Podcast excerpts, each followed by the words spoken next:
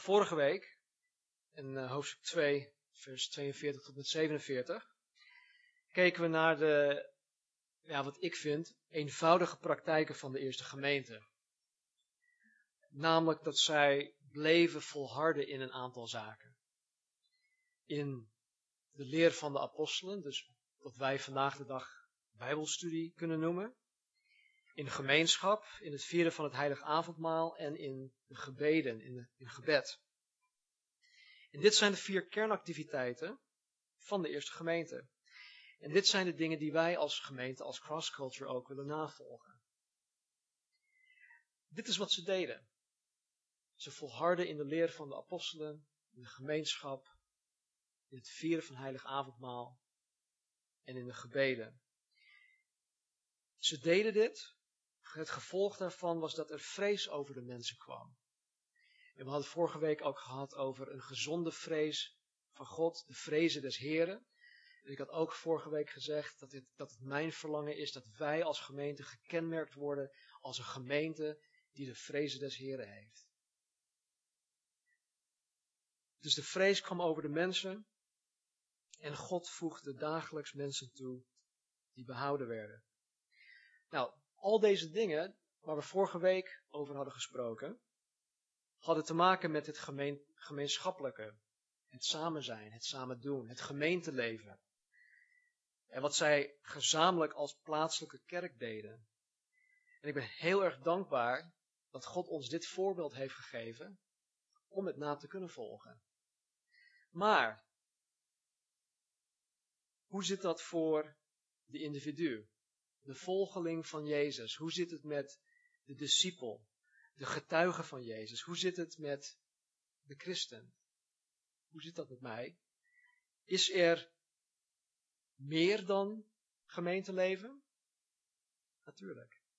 Er is veel meer dan alleen het gemeenteleven. En wij verlaten straks allemaal dit gebouw en we gaan allemaal ons eigen weg. Dan wat? Hoe zit het met de rest van onze tijd? Hoor ik zelf die tijd in te vullen? Of vult God die tijd in? Wat verwacht God van mij, van ons, tussen de zondagen in? Hoe moet ik het alledaagse of het gewone van mijn leven zien? Wil God daar ook iets mee? Speelt Hij daar ook een rol in? Of gaat het alleen maar om het gemeenteleven waar Hij geïnteresseerd in is? Nou, laten we vanmorgen kijken naar een buitengewone ontmoeting op een doodgewone dag. Uh, handelingen hoofdstuk 3, beginnen met vers 1. Petrus nu en Johannes gingen samen naar de tempel tijdens het uur van het gebed, het negende uur, drie uur middags. En een man die vanaf de moederschoot verlamd was, werd daarheen gedragen. Men zette hem dagelijks bij de tempelpoort, die de schone genoemd wordt, om een liefdegave te vragen aan hen die de tempel binnengingen. Zoals een bedelaar. Toen hij, toen hij Petrus en Johannes zag op het moment dat zij de tempel zouden binnengaan, vroeg hij of hij een liefdegave mocht ontvangen. En Petrus keek hem met Johannes doordringend aan en zei, kijk ons aan. En hij hield de ogen op hen gericht, omdat hij verwachtte iets van hen te ontvangen. Petrus zei echter, zilver en goud of geld heb ik niet, maar wat ik heb, dat geef ik u. In de naam van Jezus Christus, de Nazarener, sta op en ga lopen. En hij greep hem bij de rechterhand, richtte hem op, en onmiddellijk werden zijn voeten en enkels stevig. En hij sprong op, stond overeind en liep rond, en hij ging met hen de tempel in, lopend en springend en God lovend. En al het volk zag hem lopen en God loven. En ze wisten dat hij degene was die voor een liefdegave aan de schone poort van de tempel gezeten had. En zij werden vervuld met verbazing en ontzetting over wat er met hem gebeurd was. En toen de kreupele, die genezen was, zich aan Petrus en Johannes vastklampte, stroomde al het volk bij hen samen in de voorhof, die de voorhof van Salomo genoemd wordt, en verbaasde zich. Toen Petrus dat zag, antwoordde hij het volk, Israëlitische mannen, waarom verwondert u zich hierover? Of waarom kijkt u ons zo doordringend aan, alsof wij door onze eigen kracht of vroomheid hebben bewerkstelligd dat deze man nu loopt?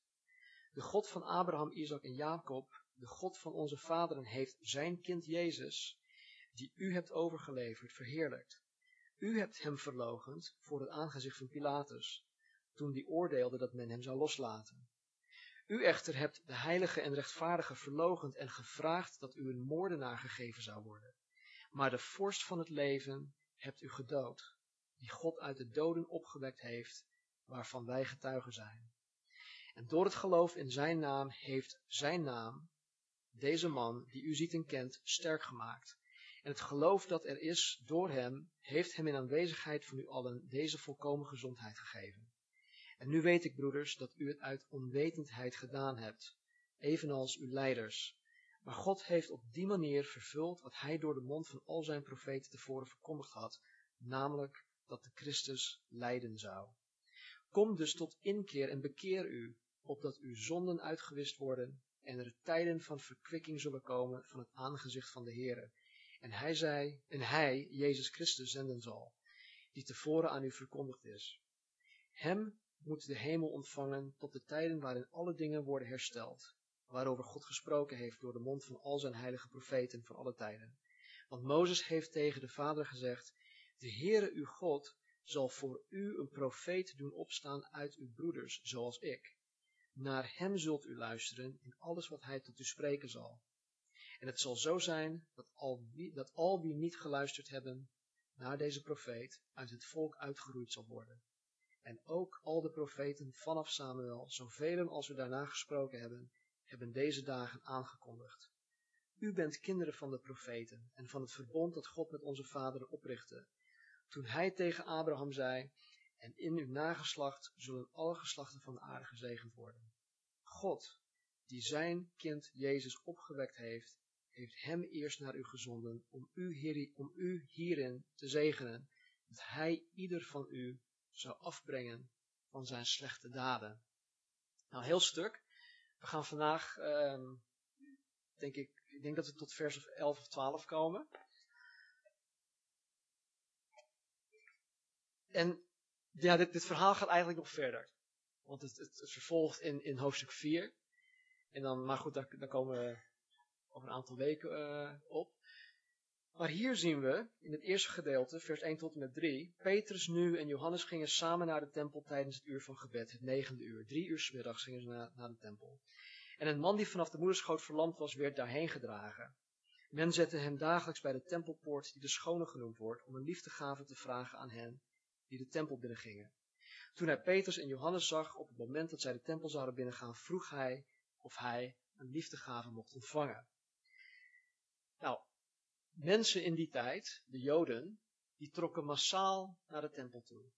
voor, de ochtendgebed, voor uh, middaggebed en avondgebed. Maar zoals het in de Bijbel gebruikelijk is, worden alleen de hoofdrolspelers genoemd. In dit geval is dat, gaat het om Petrus en Johannes. Het was een gewone dag voor hun en ze deden wat zij in het alledaagse zouden doen. Ze gingen naar de tempel toe om te bidden. Nou, deze man, die uh, verlamde man, die daar dus dagelijks neergezet werd, die was ongetwijfeld bekend bij Petrus en Johannes. Want hij werd daar dagelijks neergezet. Er zijn meerdere ingangen tot het tempelcomplex, maar ja, je komt elkaar tegen. En ik kan me heel goed voorstellen dat zij vaker langs deze man hebben gewandeld. En vandaag, ja, precies hetzelfde. Het is gewoon uh, business as usual. Het is een gewone dag. Ze hebben, ze hebben hun, hun afspraak, ze gaan naar de tempel toe, die man zit daar. Nou, dat is voor hun een gewoon, dat is normaal. En ze liepen langs die man. Um, in die tijd hadden de Joden het idee, en dat is meer uit traditie dan uh, vanuit de Bijbel eigenlijk, ze hadden het idee dat, uh, dat ze wanneer ze geld gaven aan dit soort mensen, dus mensen die het bedelen doen, dat ze gunst bij God konden krijgen. Een soort goede werken, gunst krijgen bij God. Nou, dat, dat idee hadden ze. En deze slimme man, die zat daar dus echt op, het, op de juiste plaats. Want wetende dat mensen dat wilden doen, nou, hij zat gewoon op de, op de juiste plaats. En vooral op deze dag, want hij werd ook genezen.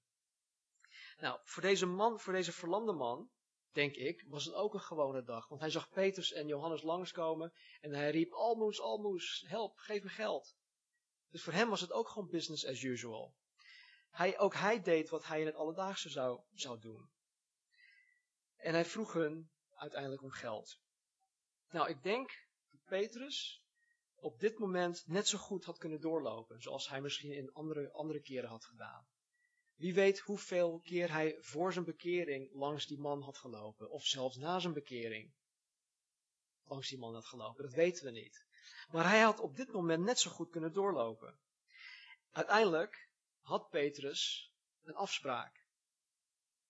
Hij ging naar de bidstond. Dus hij had een plan. En Petrus, die, die, die wordt op, op een gegeven moment wordt hij dan ja, verhinderd, gestoord door die man. En je ziet dat Petrus, althans, dat zie ik uit dit verhaal, ik zie dat Petrus veranderd is. Hij is wedergeboren, hij is vervuld met de geest van God en hij heeft nu een totaal andere kijk op het leven. Hij heeft nu een totaal ander beeld van deze man. Hij heeft nu andere prioriteiten. Dus hij loopt langs die man. Die man die, die, die, die vraagt zijn aandacht. En, en, dit, en, ja, en, hij handelt uh, als volgt in uh, vers 4. En Petrus keek hem met Johannes doordringend aan en zei, kijk ons aan. En hij, die man, hield de ogen op hen gericht, omdat hij verwachtte iets van hen te ontvangen. Petrus zei echter, zilver en goud heb ik niet, maar wat ik heb, dat geef ik u. In de naam van Jezus Christus de Nazarener, sta op en ga lopen. En Petrus greep hem bij de rechterhand, richtte hem op, en onmiddellijk werden zijn voeten en enkels stevig. En hij sprong op, stond overeind en liep rond, en hij ging met hen de tempel in, lopend en springend en God lovend. Wat bezielde Petrus op dat moment? Wat bezielde hem?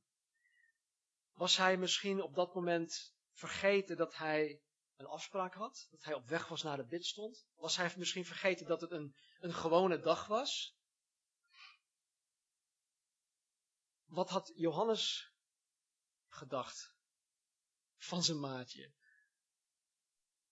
Petrus, ben je nou helemaal gek geworden? Wie, wie doet dat nou? Petrus, stel je voor dat je die man bij de hand had opgepakt. En wat als hij in één keer weer in elkaar stort? Dat zijn gedachten, hele menselijke gedachten, gedachten die ik zelf ook heb. Als, iemand, als, als ik iemand in een rolstoel zie, ik, ik, loop ook, ik stap ook niet zomaar op, op die persoon af en zeg, joh, stap le lekker uit die rolstoel. Nee, dat, dat doen we niet. Dus wat bezielde Petrus? Nou, ik geloof dat Petrus op dat moment van de Heilige Geest het geloof kreeg om dit te doen. In Lucas 10 zien we een, uh, een, een, verhaal, ja, een verhaal, een gedeelte, een verslag, uh, waar Jezus zijn discipelen, 70 man, twee aan twee, op zendingsreis stuurt. En hij zegt, neem niet te veel dingen mee, neem geen geld mee uh, en al dat soort dingen. Geen extra dingen. Travel lightly, zegt hij.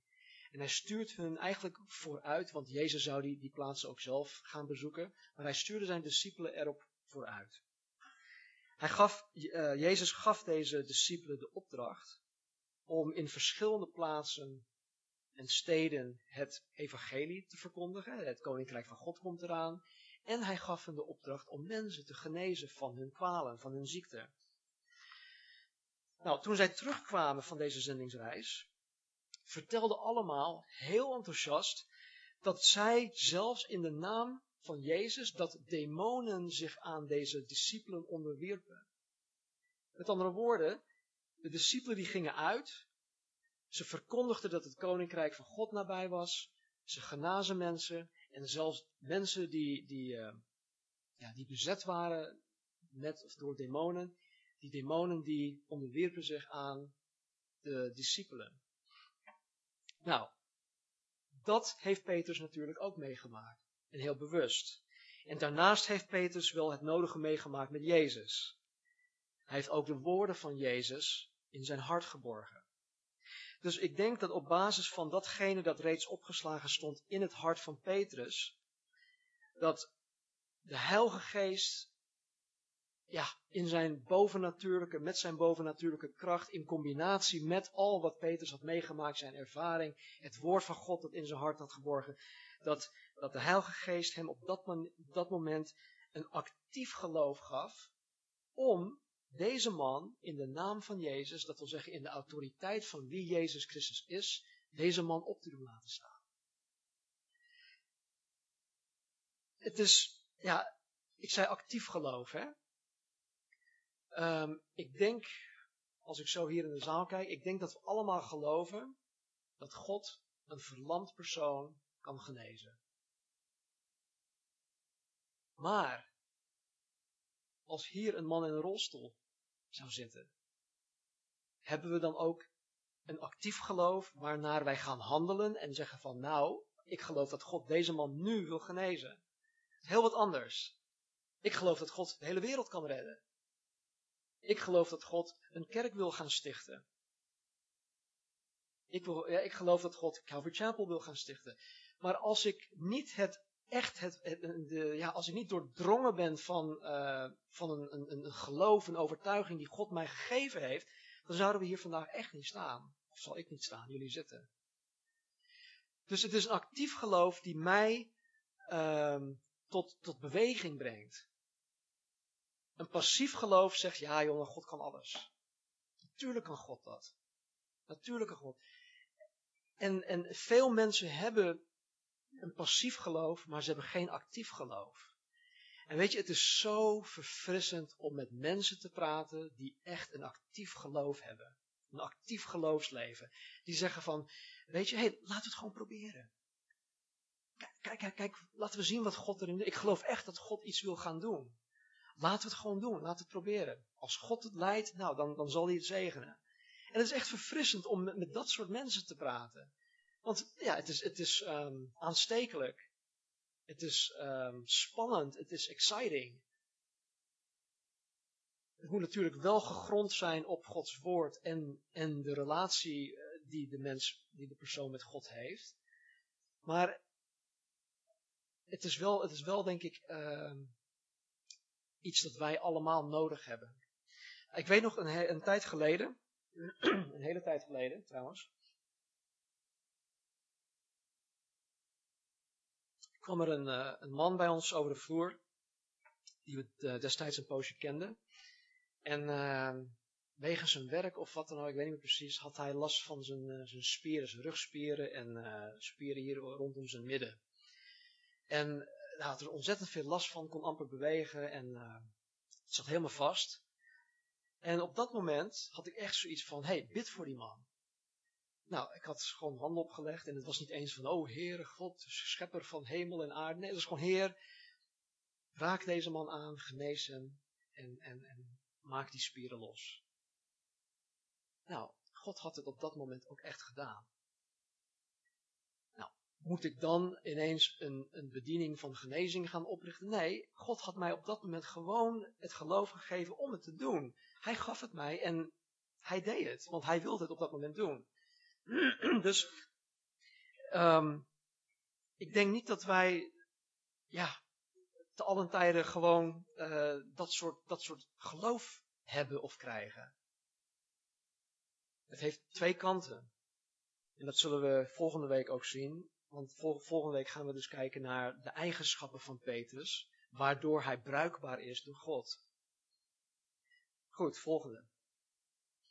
In 1 Korinthe 12 staat er dat onder andere geloof een gave van de Heilige Geest is. Er staat ook dat de Heilige Geest deze, deze gave geeft tot nut voor een ander. Niet voor jezelf, maar het is voor, tot nut voor een ander. En dat de Heilige Geest deze gave uitdeelt wanneer Hij dat wil en aan wie Hij wil. Dus Hij is soeverein daarin. God is soeverein. En hij geeft de gave wanneer hij wil, aan wie hij wil. Nou weet je, dit, dit boeit mij enorm. Want ik denk niet dat Petrus die dag van plan was om zichzelf te gaan promoten of wat dan ook. Van joh, ik ben een uh, miracle worker en ik, ik kan dat, dit soort dingen doen. Nee, hij was gewoon op weg naar de tempel voor een bidstond. En hij, hij deed zijn alledaags ding.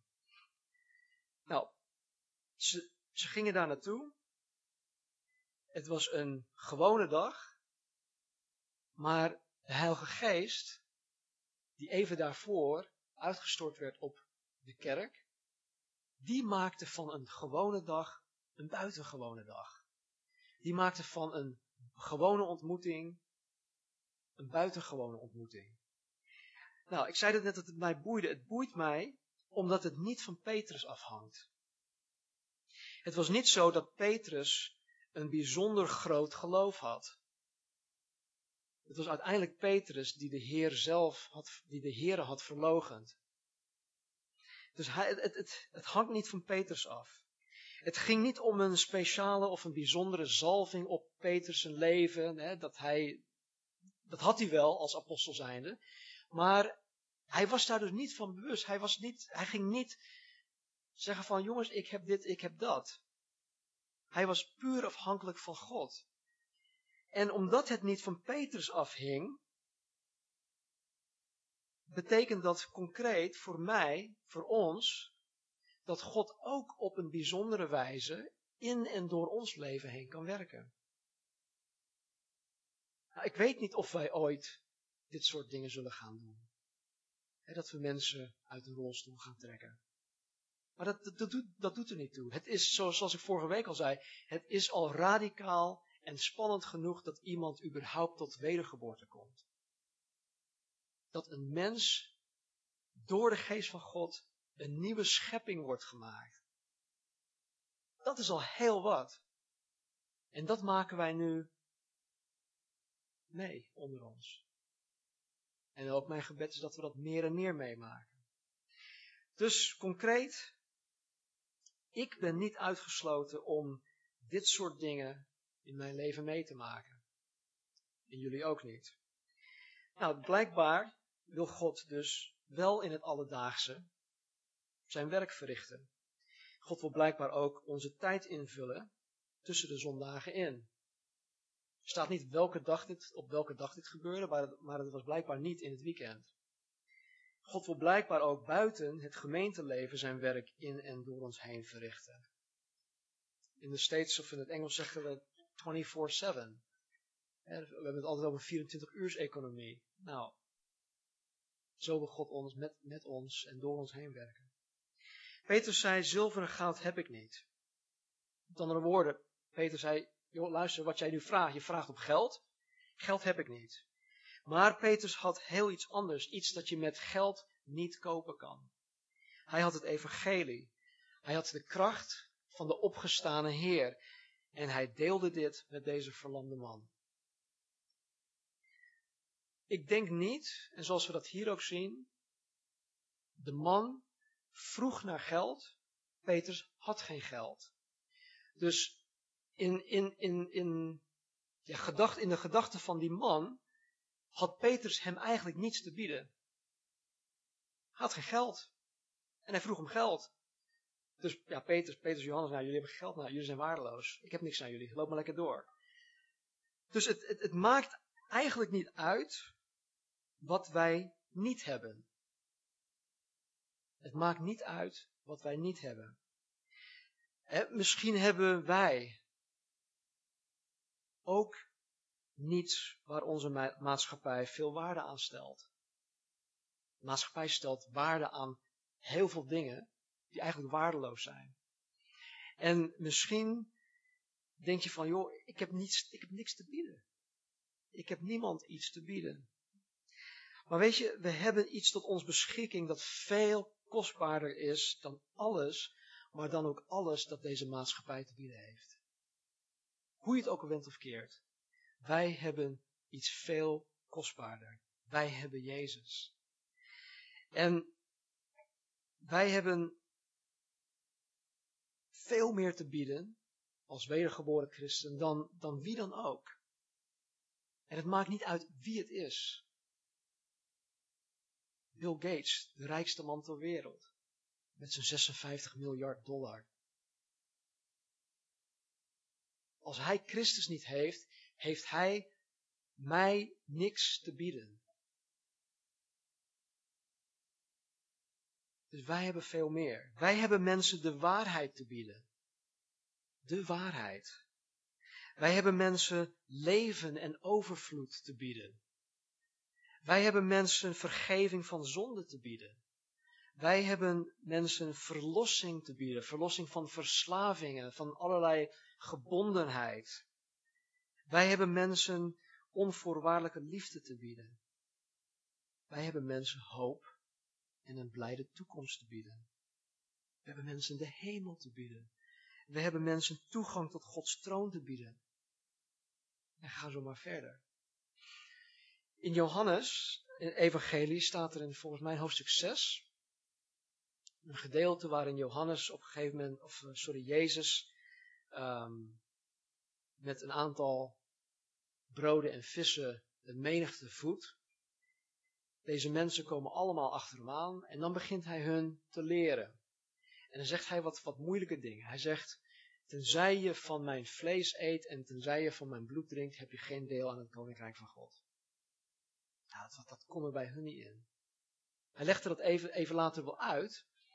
En het is ook uit te leggen. En wij nemen daar ook allemaal deel aan. Maar de mensen die dat dus niet konden aanvaarden, aanvaarden, aanvaarden, hoe zeg je? Ja? Um, staat er dat op een gegeven moment, zij volgden Jezus Christus niet meer. Ze gingen allemaal weg. En toen keerde Jezus zich tot de elf, de twaalf toen nog, de twaalf apostelen, zijn discipelen die hij gekozen had. En hij zei, jongens, willen jullie ook weg? En Petrus zei dit, hij zei, Heer, waar zullen wij naartoe gaan? U spreekt woorden van eeuwig leven. Wij als christen zijnde, wij als vertegenwoordiger van Gods koninkrijk, hebben woorden van eeuwig leven. En dat is wat wij met mensen moeten delen. Mensen hebben niks aan psychologie. Mensen, nou, ze hebben wel wat daar, maar als het er uit, waar het uiteindelijk op neerkomt, hebben ze Gods woord nodig. In Colossense staat er, um, in Hem, in Christus zijn verborgen alle schatten en rijkdommen van wijsheid en kennis. Natuurlijk helpt en heeft psychologie heel veel mensen geholpen. Sorry dat ik dat zei, maar waar het op neerkomt, als het om eeuwige dingen gaat. Wij hebben woorden van eeuwig leven.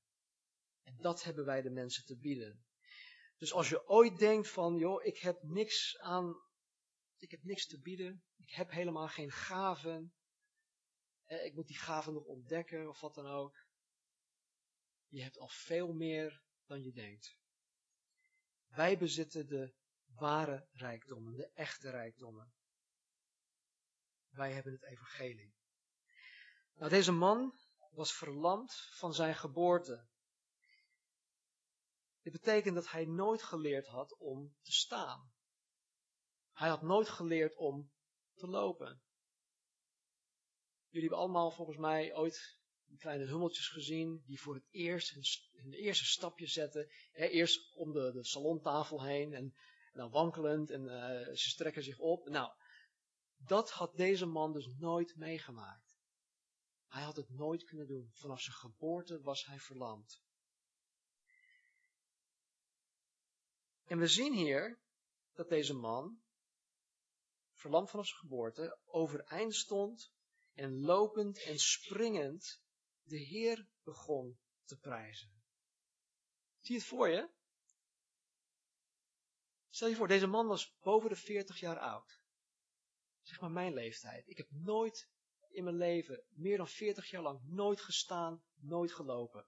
En ineens kan hij staan. Hij kan niet alleen staan, hij kan lopen, hij kan rennen, hij kan springen. Hij gaat helemaal uit zijn dak. Zie hem daar, daar op de tempel uh, in het voorhof uh, rondspringen en, en, jubelen en schreeuwen. Hij ging helemaal uit zijn dak. Nou, dit werd ook voorspeld honderden jaren van tevoren door de profeet Jesaja, wanneer de, toen, toen Jesaja profeteerde over het, over het, uh, het koninkrijk van God. En hij spreekt hier dan wel over de wederkomst van Christus, wanneer Christus voor de tweede keer naar de aarde komt om zijn koninkrijk te stichten. Maar de eerste komst van Christus kregen we al een voorproefje van hoe dat zou zijn. En in Jesaja staat er, wanneer hij komt, dus wanneer de Christus komt, zal hij de ogen van de blinden openen en de oren van de doven laten horen. Nou, dat had Jezus met zijn eerste komst al gedaan. Bij zijn tweede komst zal hij dat nog meer doen. De verlamde zal opspringen als een hert en de stomme die niet kon praten zal jubelen en zingen. Dus dit werd honderden jaren daarvoor al voorspeld. Het werd geprofiteerd. God had het al vastgelegd. En hier zien we dat in, de, in, de, in, de, tijdperk van de gemeente, de laatste dagen, hè, tussen de eerste komst van Christus en de tweede komst, dat God deze dingen aan het doen is. Maar waarom zien wij dit soort dingen dan niet? Ik weet, hebben jullie ooit echt, en dan meen ik een echte, waarachtige genezing van dat soort, uh, van, van zoiets gezien?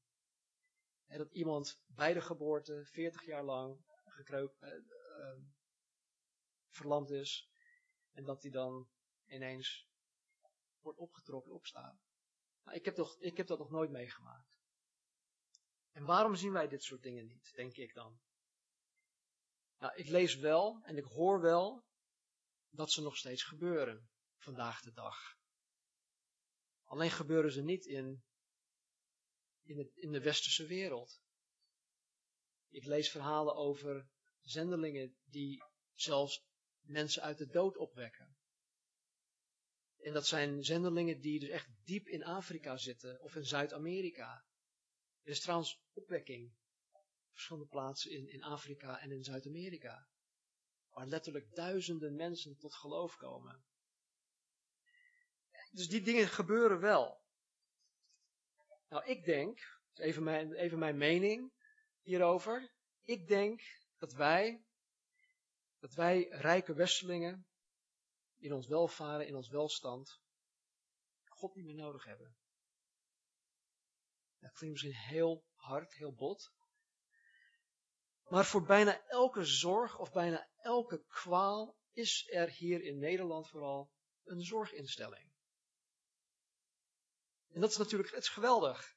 Mensen worden daardoor geholpen, begrijp me niet verkeerd. Dat is goed. En ik denk dat deze verlamde man, had hij vandaag de dag in Nederland gewoond, dan zou hij niet bedelend op een pleintje gezeten hebben. Dan was hij waarschijnlijk opgenomen in een zorginstelling en er werd voor hem gezorgd. Dus waarom zou deze man God nodig hebben? Nu. Goed, dat is mijn mening. Doe ermee wat je wil. Vers 9. En al het volk zag hem lopen en God loven. En ze wisten dat hij degene was die voor een liefdegave aan de schone poort van de tempel gezeten had. En zij werden vervuld met verbazing en ontzetting over wat er met hem gebeurd was. En toen de kreupele die genezen was zich aan Petrus en Johannes vastklampte, stroomde al het volk bij hen samen in de voorhof die de voorhof van Salomo genoemd wordt en verbaasde zich. Toen Petrus dat zag, antwoordde hij het volk, Israëlitische mannen, waarom verwondert u zich hierover? Of waarom kijkt u ons zo doordringend aan, alsof wij door onze eigen kracht of vroomheid hebben bewerkstelligd dat deze man nu loopt?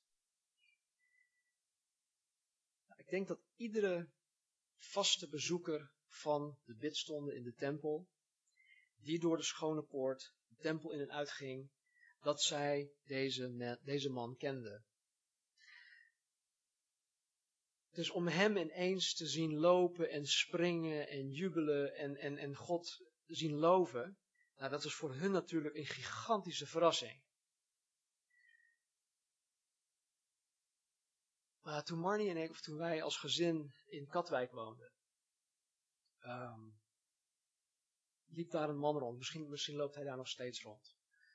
Maar het is een man die, uh, weet niet of hij, hij was niet dakloos, want hij had ergens een kamertje of zo, maar hij was heel onverzorgd en volgens mij was hij bezeten. Maar in, in het dorp, in Katwijk, was hij bekend als bosaap. Heel, heel gemeen, maar goed, bosaap. Hij had echt haar tot hier, onverzorgd. Hij zag er niet uit.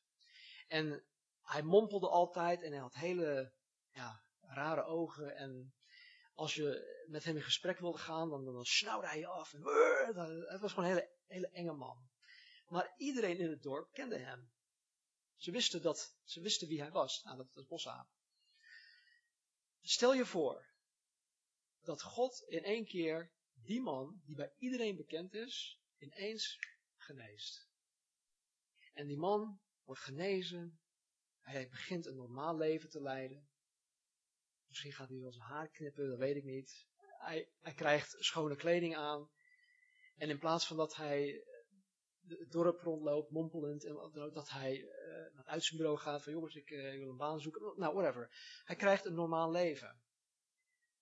Iedereen zal verbaasd zijn. Hé, hey, is, is dat niet, wat is er met hem gebeurd? Nou, dat idee, dat is precies hetzelfde wat hier ook gebeurde.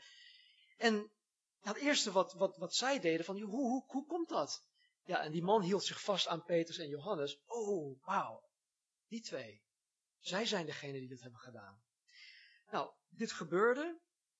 En de menigte die, die waren dus um, verbaasd. Ze waren ontzet. Ze waren dus um, echt, echt verrast hierdoor. Maar ze maakten een fout. De mensen die dit zagen, de toeschouwers, maakten een fout. Een fout waaraan denk ik, sommige christenen vandaag de dag zich ook schuldig maken.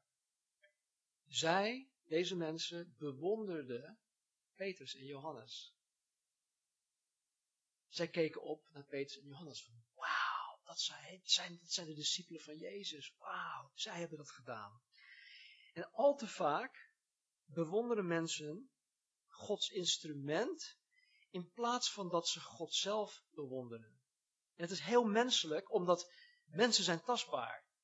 Het is moeilijk om in een, een onzichtbaar God te geloven. En, dus het is heel menselijk om een, een, predikant te zien, of een, evangelist, of een, een, een, zanger of een zangeres. En dat mensen zich kijken van, wauw, wat is dat een gezalfde persoon, of wat, wat een geweldige bediening heeft die man of vrouw, of wat dan ook. En dus het is heel menselijk om mensen te gaan bewonderen. Maar dit is niet alleen een fout omdat men God daardoor tekort doet, want je doet God tekort in lof en eer, die hem alleen toekomt. Maar de mens wordt verhoogd tot een niveau die de mens niet aan kan. De mens is niet gemaakt voor roem. De mens kan niet met roem omgaan. Lees de kranten maar. Mensen die, nou, die, die in, in de spotlight zijn. Nou, als ik, als ik Britney Spears zeg, dan, dan, dan zeg ik denk ik al genoeg. of Justin Timberlake, of noem maar op. Die mensen die kunnen niet met roem omgaan. De Bijbel leert ons om nederig te zijn en God alle eer en glorie te geven die hem toekomt. En dit is niet voor niets, want roem leidt tot een hoge eigendunk en het leidt tot trots. En dit zijn dingen die absoluut niet samengaan met bruikbaar zijn voor God. Dat kan niet, die twee kunnen niet samengaan. En volgende week, wanneer we dat oppakken, zien we hoe Petrus de mensen, deze menigte mensen, hoe Petrus deze mensen van zichzelf en van Johannes afweert. En hoe Petrus hun blik op Jezus gaat richten. En dat is altijd een goed teken van een, een, een dienaar of een dienares van God, wanneer, wanneer deze persoon de mensen langs zich heen doorverwijst naar, de, naar Jezus Christus. Dus, wat wil God met mijn leven? Wat wil God met de tijd die ik doorbreng in het alledaagse? Ik geloof dat God ons elk moment van de dag zou willen gebruiken om zijn werk te verrichten.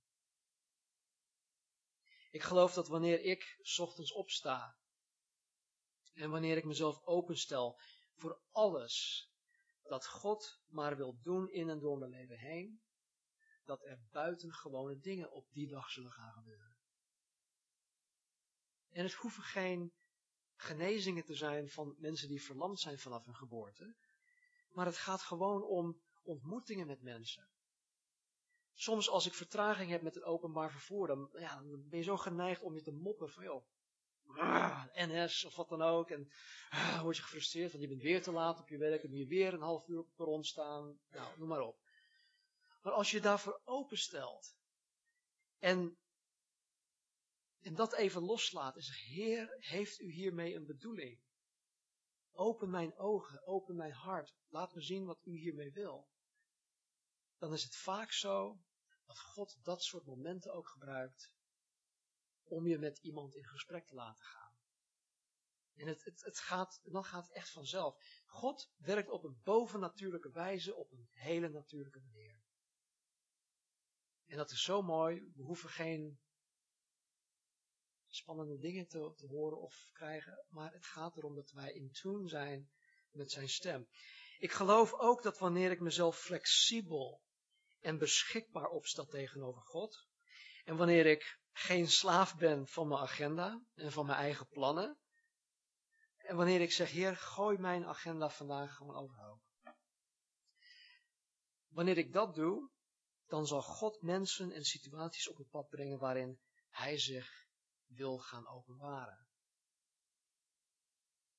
Dat heeft Hij gedaan in mijn leven. Ik spreek uit ervaring.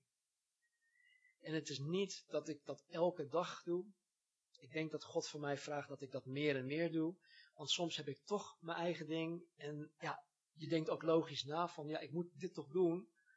Ik heb toch die afspraak. En dat is ook zo. Dus het is een spanningsveld. En het is een, een, een je, beweegt je in een, in een ruimte waar, waar je aan de ene kant getrokken wordt door de dingen die je moet doen. Aan de andere kant word je getrokken door Gods geest, waar God zegt, luister naar mij, uh, wees in tune met mij en ik zal je leiden. En weet je, wanneer je gevoelig bent voor Gods stem op die manier, dan maakt het ook niet uit wat voor afspraken je eventueel zou gemist hebben of wat dan ook. God zorgt voor al deze dingen. En dat is het mooie ervan. Wij maken ons vaak zorgen over de dingen die wij denken dat wij moeten doen of hoeven te. We moeten deze dingen doen. En als we dan ons beschikbaar stellen voor God, dan regelt God al dat andere. Hij zorgt daarvoor. Dus bij mij moet elke dag, elke ochtend weer die knop om. Heer, oké. Gooi mijn agenda, gooi mijn dag overhoop.